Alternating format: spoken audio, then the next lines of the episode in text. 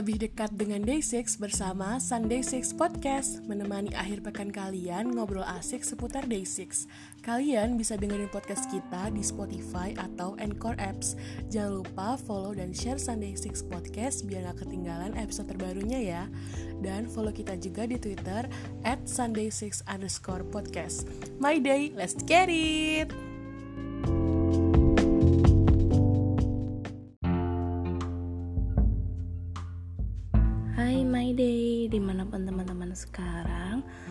Selalu berharap semuanya selalu stay healthy dan stay happy, oke? Okay? Perkenalkan kembali, nama aku Alika uh, Aku adalah suara yang mungkin sebagian teman-teman udah dengarkan di trailer Dan aku adalah day cabang Oleng ya yang tiap hari kerjaannya oleng oleng ke member-member Day6 karena di Day6 aku nggak bisa milih susah dan kalau teman-teman baca corner ini itu judulnya kepo berfaedah yuk gitu kan. Nah di corner ini akan membahas apa sih? Uh, di sini uh, kebetulan yang di episode ini akan ada aku dan Anissa. Kita akan mencoba menjelaskan kepada teman-teman garis besar dari podcastnya J nih. Kalau teman-teman belum pernah dengar J uh, itu membuat sebuah podcast podcast baru sorry podcast baru yang baru-baru ini rilis nih. Judulnya How Did I Get Here?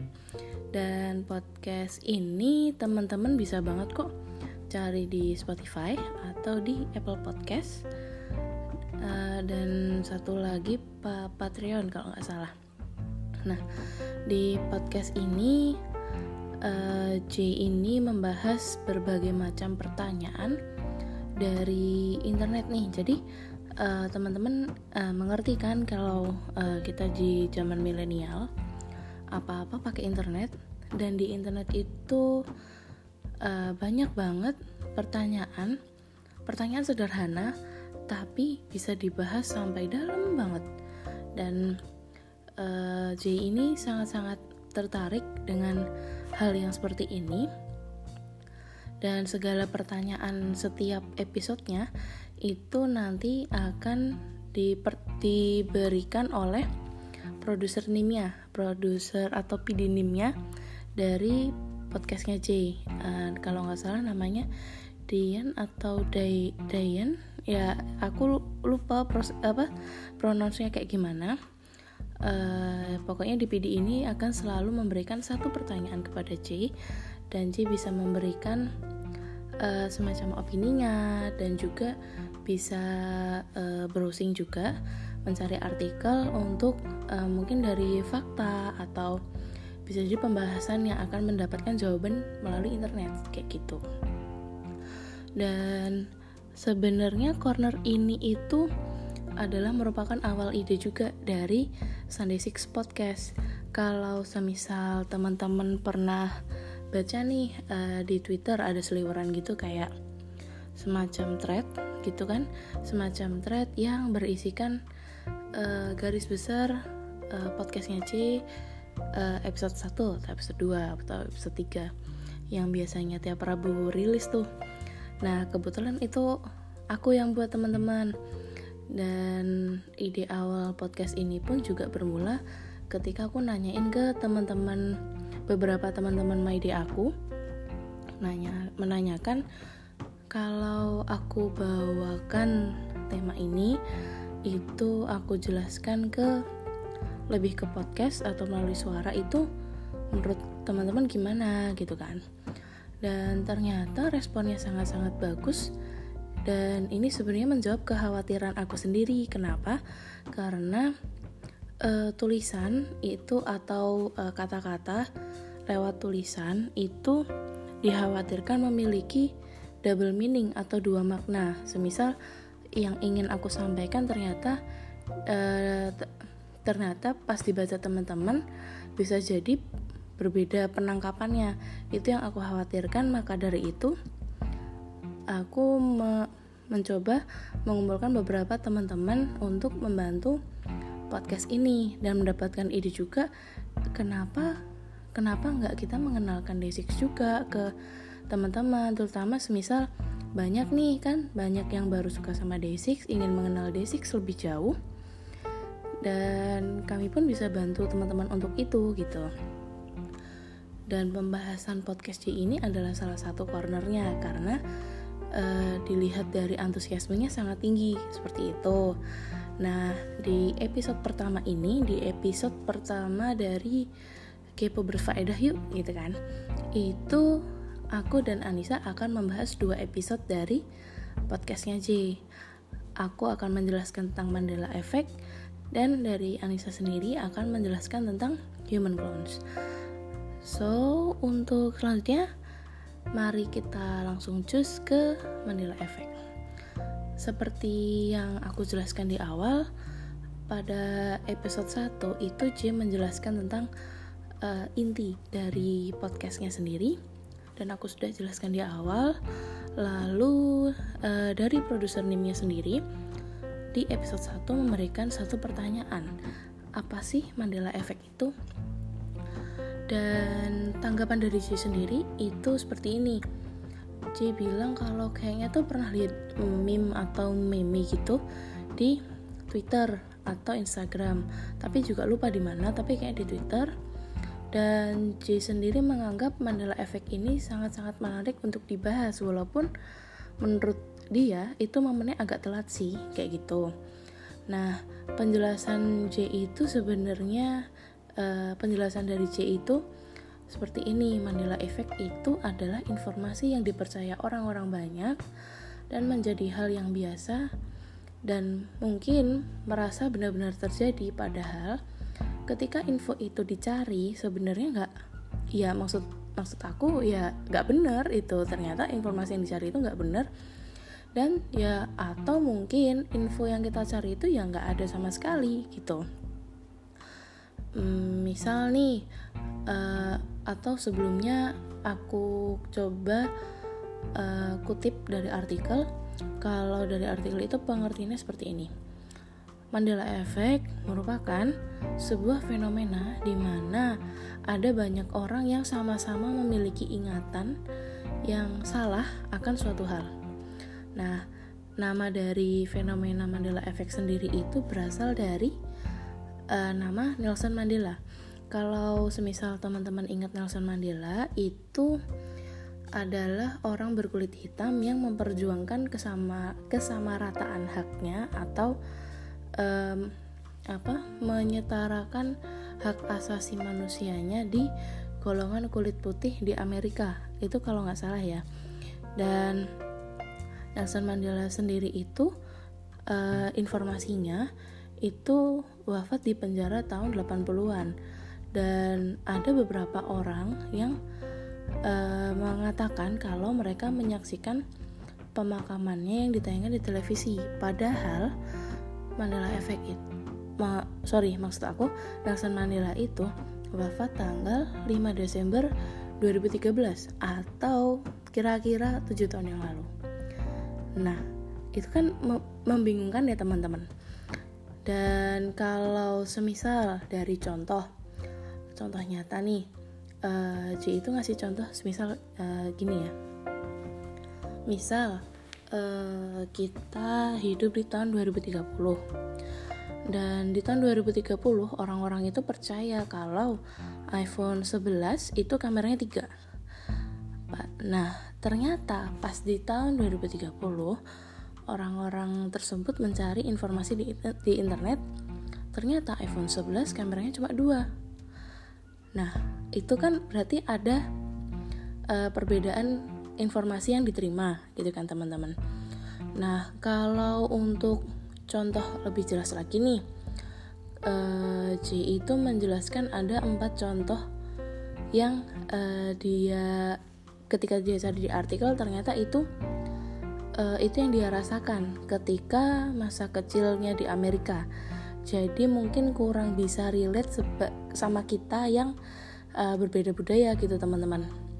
Misal uh, ini ada namanya kart kayak uh, kayaknya kartun deh uh, Bernstein Bears yang asli, yang tulisannya itu Berensteinnya itu T E I N ternyata Berenstein dengan T A I N. Jadi berbeda huruf. Nah terus kalau teman-teman misal tahu apa mainan monopoli itu kan ada karakternya. Yang bapak-bapak pakai jas sama ada kumisnya itu yang pakai topi kayak topi sulap yang panjang itu. Nah uh, itu tuh di apa uh, informasinya itu dulu uh, bapaknya itu punya atau pakai semacam uh, kacamata yang uh, lensa aja tapi yang cuma satu cuma sebelah aja itu yang biasanya disakuin kalau untuk orang-orang Eropa zaman dulu gitu kan Nah, aslinya itu karakter itu tidak memakai kacamata itu sama sekali gitu.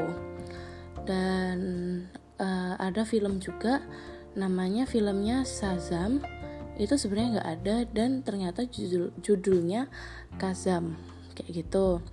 Dan yang keempat itu Ji ngasih contoh ada uh, selai kacang atau peanut butter mereknya Jiffy dan ternyata mereknya itu namanya Jif tapi untuk yang keempat ini aku pribadi bisa relate karena uh, waktu aku belanja di supermarket ya sekitar minggu ini itu tuh aku nemu tahu selai ini sumpah.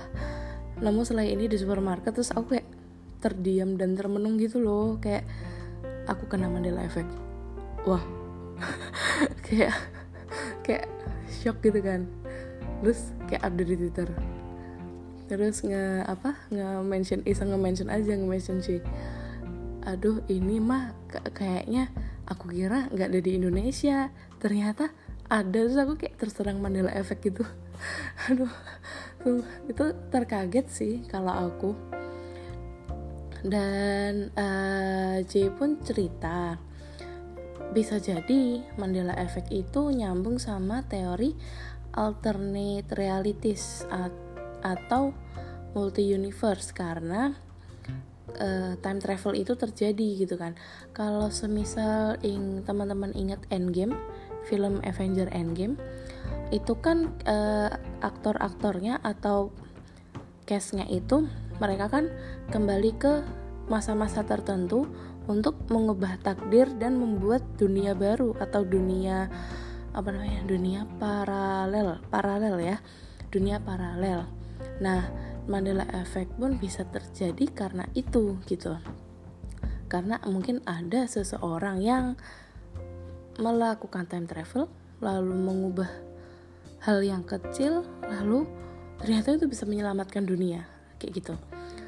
Dan uh, Jay sendiri itu berharap time travel itu ya terjadi ya supaya bisa mengubah mungkin sesuatu yang di masa lalu bisa mengubah suatu uh, hal yang memalukan atau menghilangkan pengalaman yang memalukan.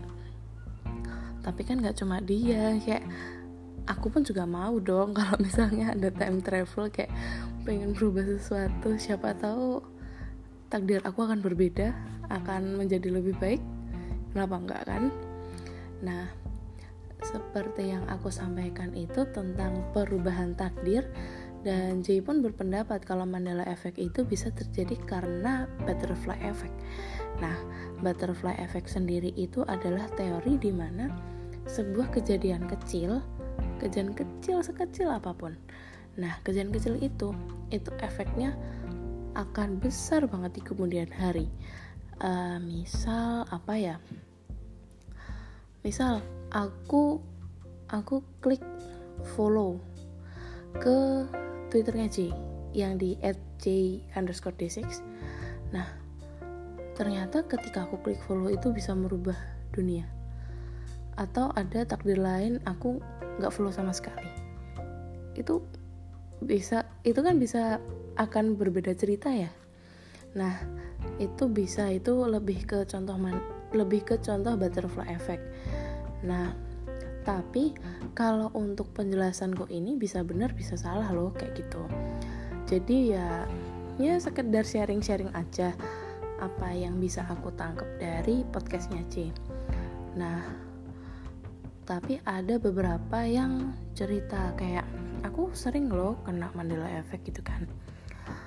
Itu pun aku uh, terkadang agak mempertanyakan karena aku takutnya teman-teman salah uh, kayak interpretasinya berbeda dengan dejavu karena dejavu itu kan kita merasakan hal yang kayaknya pernah terjadi dan itu ternyata di kemudian hari itu ya terjadi beneran. Jadi informasi yang kita rasakan itu benar. Sedangkan kalau Mandela Effect itu kan informasi yang kita dapatkan atau kita rasakan itu ternyata di kemudian hari itu salah kayak gitu. Nah eh, waktu du waktu itu aku sempat sharing gitu kan sama teman my day aku. Itu eh, jadi kira-kira ada nggak sih yang bisa menjelaskan Mandela Effect dengan uh, simple gitu kan dengan simple? Nah kalau ini aku izin quote juga dari teman aku itu dia menjelaskan gini jadi Mandela Effect itu bisa terjadi karena adanya info hoax.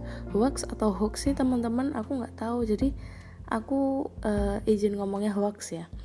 Info hoax atau info yang pansos gitu kan. Kan zaman sekarang banyak ya kayak gitu. Apalagi dengan adanya internet ya semuanya tinggal asal pencet klik klik klik klik. Kopas kopas kopas share padahal kita belum tahu informasi itu apakah benar atau enggak gitu kan.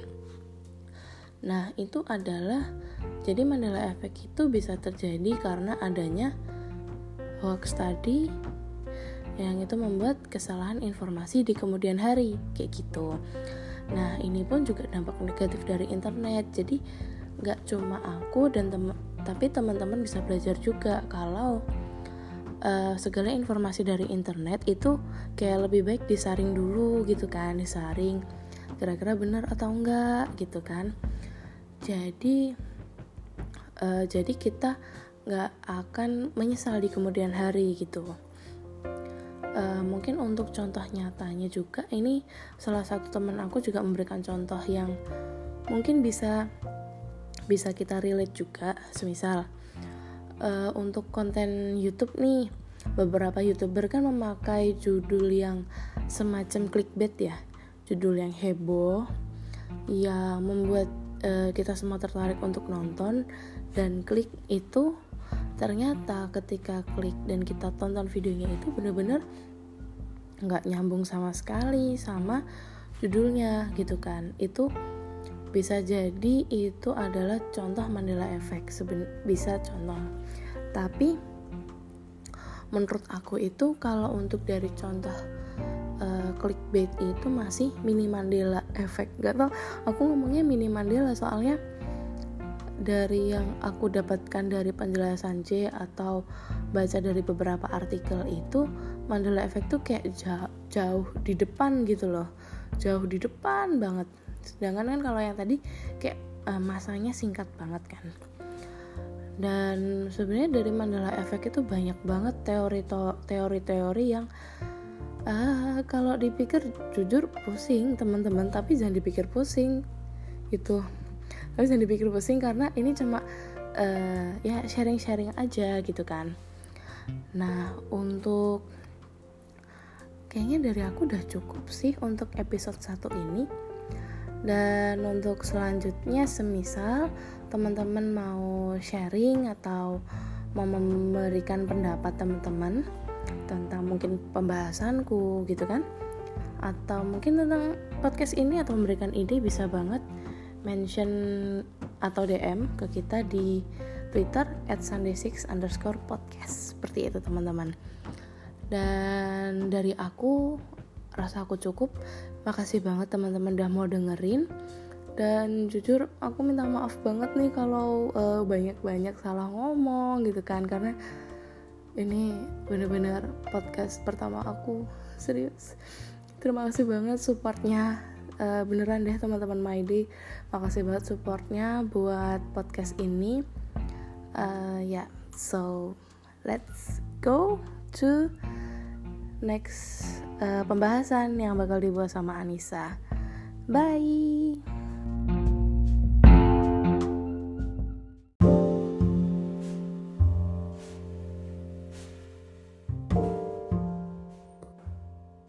Halo, kenalin ini Nisa, My Day, dan juga tim Sunday Six Podcast juga.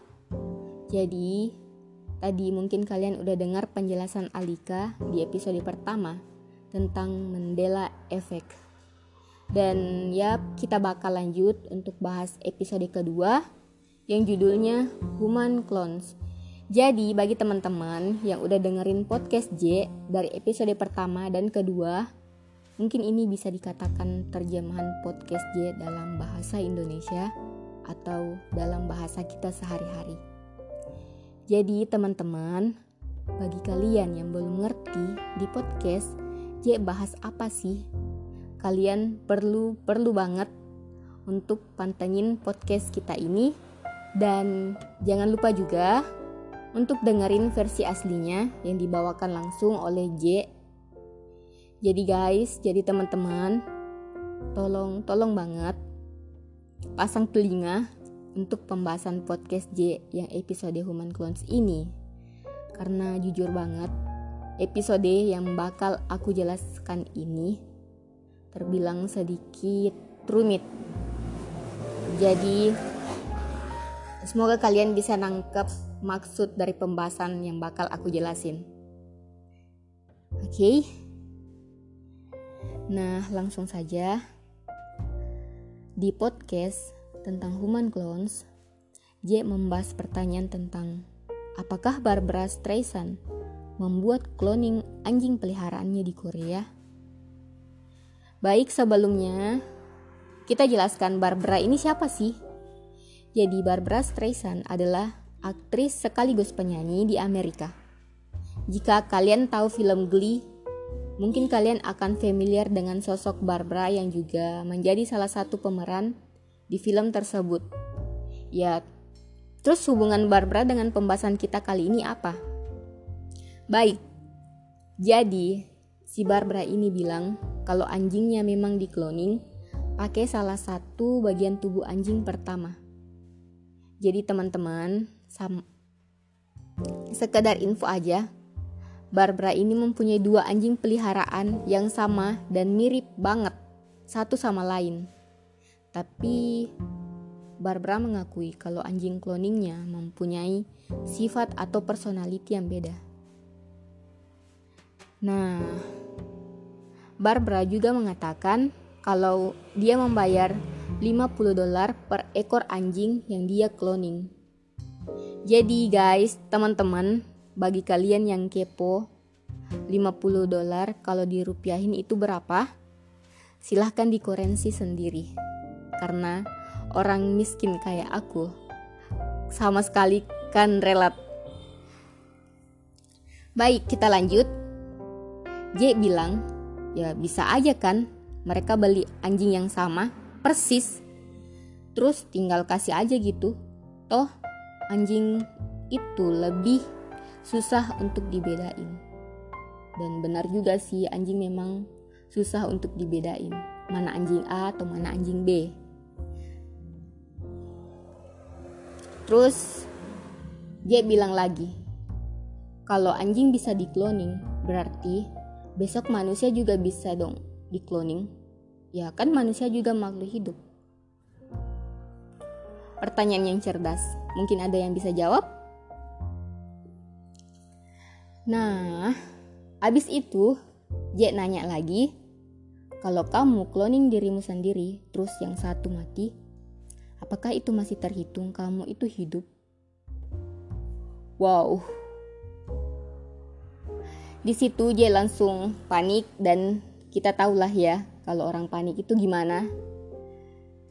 Saking paniknya, J minta untuk telepon papi Pablo di mana emang podcast Pablo ini kadang bahas hal-hal yang seperti J bahas di podcast. Jelang beberapa menit, J nemu artikel kalau sebenarnya Korea pernah melakukan cloning pada tahun 2014. Cloning anjing juga, dan ke depannya tidak menutup kemungkinan kalau manusia itu bisa cloning juga ambiar dong. Ya gimana nggak ambiar coba. Manusia di cloning dan itu artinya kalian membuat duplikat diri kalian sendiri. Wow. Kayak kalian tuh memfotokopi diri kalian sendiri sama persis dan gen yang dimiliki oleh kloningan kalian itu juga sama dengan gen yang kalian miliki. Terus, J bilang lagi, kalau manusia bisa dikloning, ya apa dong arti kemanusiaan yang selama ini dijunjung? Oke, okay. di sini aku nangkap maksud J tuh kayak kalau orang berlomba-lomba untuk membuat kloningan mereka, otomatis mereka bakal ngerendahin manusia lain. Manusia lain karena ya menurut mereka kenapa aku harus menghormati manusia? Padahal aku aku ini salah satu yang nyiptain mereka juga. Walaupun dalam bentuk kloningan tapi ya intinya wujudnya sama dan cloning yang diciptakan juga bernafas jadi ya Kenapa aku harus men menciptakan manusia yang bisa dengan mudah aku ciptain sendiri? Wow, kalian paham maksud aku? Semoga kalian paham ya. Jadi kita lanjut. Cloning itu memang ada dan itu fakta. Dan lebih fakta lagi adalah bayaran untuk melakukan cloning itu mehong gila. Mahal banget, serius. Tapi kalau ya dilakukan terus-menerus dan punya banyak peminat, otomatis harga pasarnya bakal turun juga. Tapi jika memang itu benar-benar terjadi, HAM bakal dikemanain coba. Hak asasi manusia bakal dikemanain coba. Wow. Sebenarnya yang bikin aku tertarik ini adalah pertanyaan-pertanyaan gila J. Emang random tapi ya masuk di akal pertanyaan kenapa dia harus bertanya seperti itu. Jadi mungkin kalian bagi teman-teman yang bisa yang bisa jawab pertanyaan J. Mungkin kalian bisa mention ke Twitter kita di @sunday6podcast. Uh, capek, capek ya bahas tentang human clones karena emang pembahasannya seberat itu. Baiklah, kita bakal beralih ke topik-topik yang ringan. Biar pikiran kalian bisa terrefresh, nggak capek bahas-bahas hal berat seperti human clones tadi. Jadi pas melakukan siaran podcast, J suka buka sesi question and answer, di mana fans bisa nanya apa pun ke J. Ada beberapa pertanyaan yang dijawab J pada podcast episode kedua ini. Dan salah satunya itu gimana perasaan J punya IG sendiri. Nah, J jawab kalau semenjak punya IG sendiri, dia juga banyak belajar hal-hal baru dari story maupun IG live. Tapi kalau mau posting posting sesuatu di Instagram, kadang J tuh suka galau galau kayak merasa self insecure gitu. Karena kata J vibes IG dengan vibes Twitter sangat sangat beda. Karena kan kalau di Twitter ya mau gas ya gas aja kalau di Instagram tuh lebih ke jaga image gitu nggak sih jadi ya kita bisa lihat J itu pilih tim mana tim Instagram atau Twitter Terus Pak Pedanim juga nanya, siapa yang punya best Instagram menurut J? Tapi di sini J nggak bisa jawab. Tapi menurut J yang memiliki Instagram terjelek itu atau worst Instagram itu milik Wonpil. Alasannya karena Wonpil terbilang sangat sering online di Instagram tapi nggak pernah update apa pun. Sama sekali nggak pernah. Sekalinya ada member yang upload entah itu foto atau video Wonpil yang lebih dulu komen dan jika kalian merhatiin emang gitu kan Wonpil member yang paling update tentang komen-komenan di Instagram member Day6 lainnya. Dan kalau Daun, akunnya mendingan sih menurut J. Karena kalau si anak bayi update ya dia bakal posting foto kucing atau anjing. Dia kan bucin kucing dan anjingnya sendiri. Dan akun Twitter terkeren menurut J itu akunnya Sungjin. Soalnya kalau Sungjin update, kita tahu kan ya updatean Sungjin itu bagaimana? Nggak jauh-jauh dari makanan. Dan tapi ya intinya berfaedah lah ya. Walaupun si bapak ini nggak punya IG, sangat disayangkan. Semoga ke depannya Pak Sungjin, Bapak Sungjin bakal punya IG juga biar kita bisa interaksi di situ. Oke, okay, terakhir, paling terakhir. Jujur aja, capek untuk bahas podcast J episode ini. Karena ya gitu sih, penjelasannya yang rumit. Tapi ya aku senang, aku senang banget bisa belajar hal-hal baru yang gak pernah aku pikirin sebelumnya.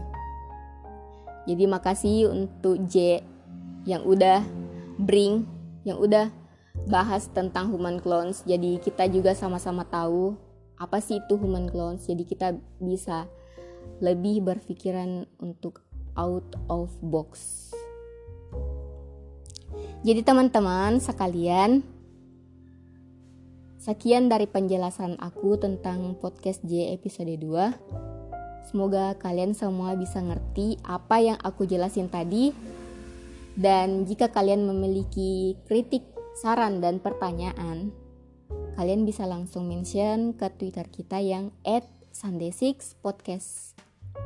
Maaf banget jika banyak tiponya dan see you in the next podcast. Ciao.